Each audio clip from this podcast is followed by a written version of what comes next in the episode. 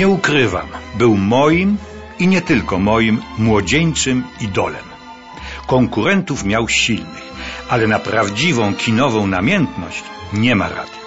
A przypieczętowało ją bezpośrednie zetknięcie z obiektem uwielbienia, bo Gérard Philippe zjawił się w 1954 roku wraz ze sławnym zespołem Teatr National Populaire w Warszawie i w Krakowie.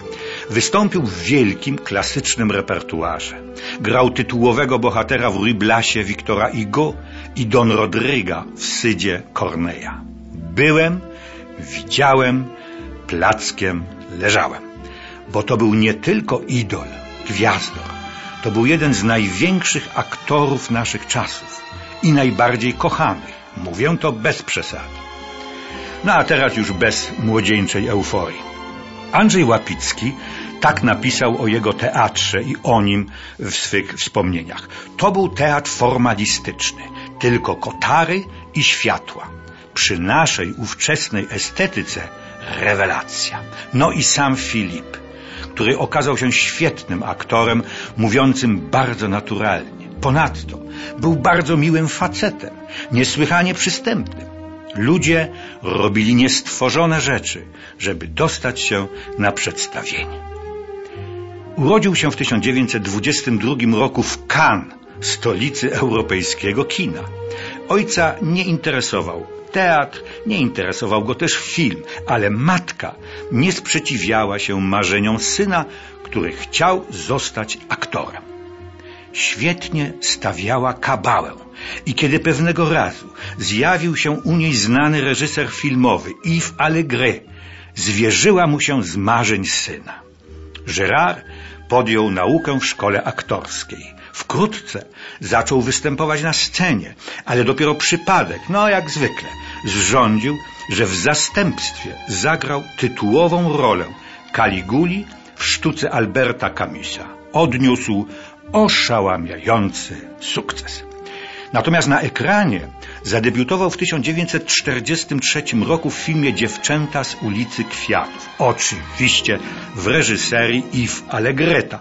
Mama chyba dobrą kabałę postawiła.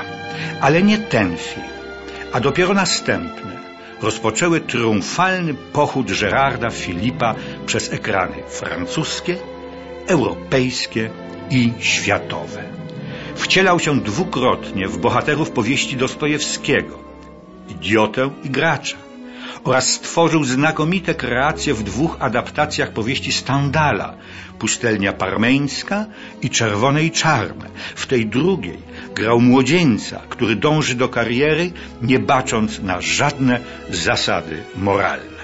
Brutalnie, choć z ujmującym wdziękiem, niszczy uczucie dwóch zakochanych w nim kobiet. Wierny prawdziwej, ale tragicznej miłości był w filmie Diabeł wcielony, o którym już szczegółowo opowiadałem. W filmie Montparnasse 1919 wcielił się w postać genialnego włoskiego malarza Amadeo Modiglianiego. Wielkim artystycznym wyzwaniem dla Gerarda Filipa była podwójna rola w Uroku szatana z 1949 roku René Claira. Reżyser tak mówił. Na początku filmu widzimy Fausta granego przez Michel Simona, a Gérard jest kusicielem diabłem. Potem zamieniają się rolami. Gérard staje się Faustem, a Michel Simon diabłem. Świetna rola. Klera i Filipa łączyły nie tylko wspólne filmy, ale także prawdziwa, głęboka przyjaźń.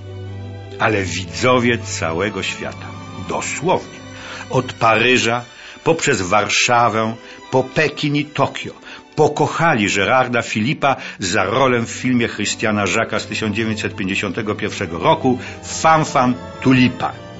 Ta postać żołnierza zawadiaki, szławiły, bałamuta, kochającego sławę, kobiety i wino, przeszła do historii kina. Późniejsze powtórki, remake'i nie umywały się do niedościgłego pierwowzoru. Ostatnią swą rolę zagrał Gérard Philippe u wielkiego mistrza Luisa Buñuela. Gorączka w El Pao z 1959 roku była filmem brutalnym, gorzkim, pesymistycznym. Ale Gérard Philippe potrafił zagrać przekonywająco każdą postać. Wzruszającego kochanka, cynicznego uwodziciela, przewrotnego hipokrytę czy człowieka doświadczonego ciężko przez los.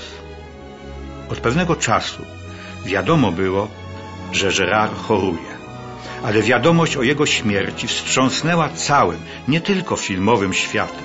Zmarł na raka wątroby. Miał zaledwie 37 lat.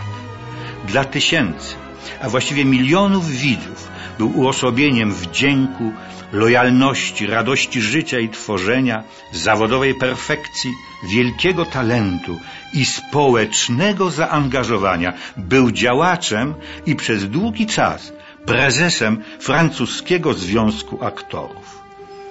Pochowano go na prowansalskim cmentarzu w kostiumie Sida ze sztuki Corneja, tej sztuki, w której widziałem Gerarda Filipa 50 lat temu. Złożony ciężką, nieuleczalną chorobą, do ostatnich chwil przygotowywał się do roli Hamleta, marzenia każdego ambitnego aktora. Niestety, już jej nie zdążył zagrać.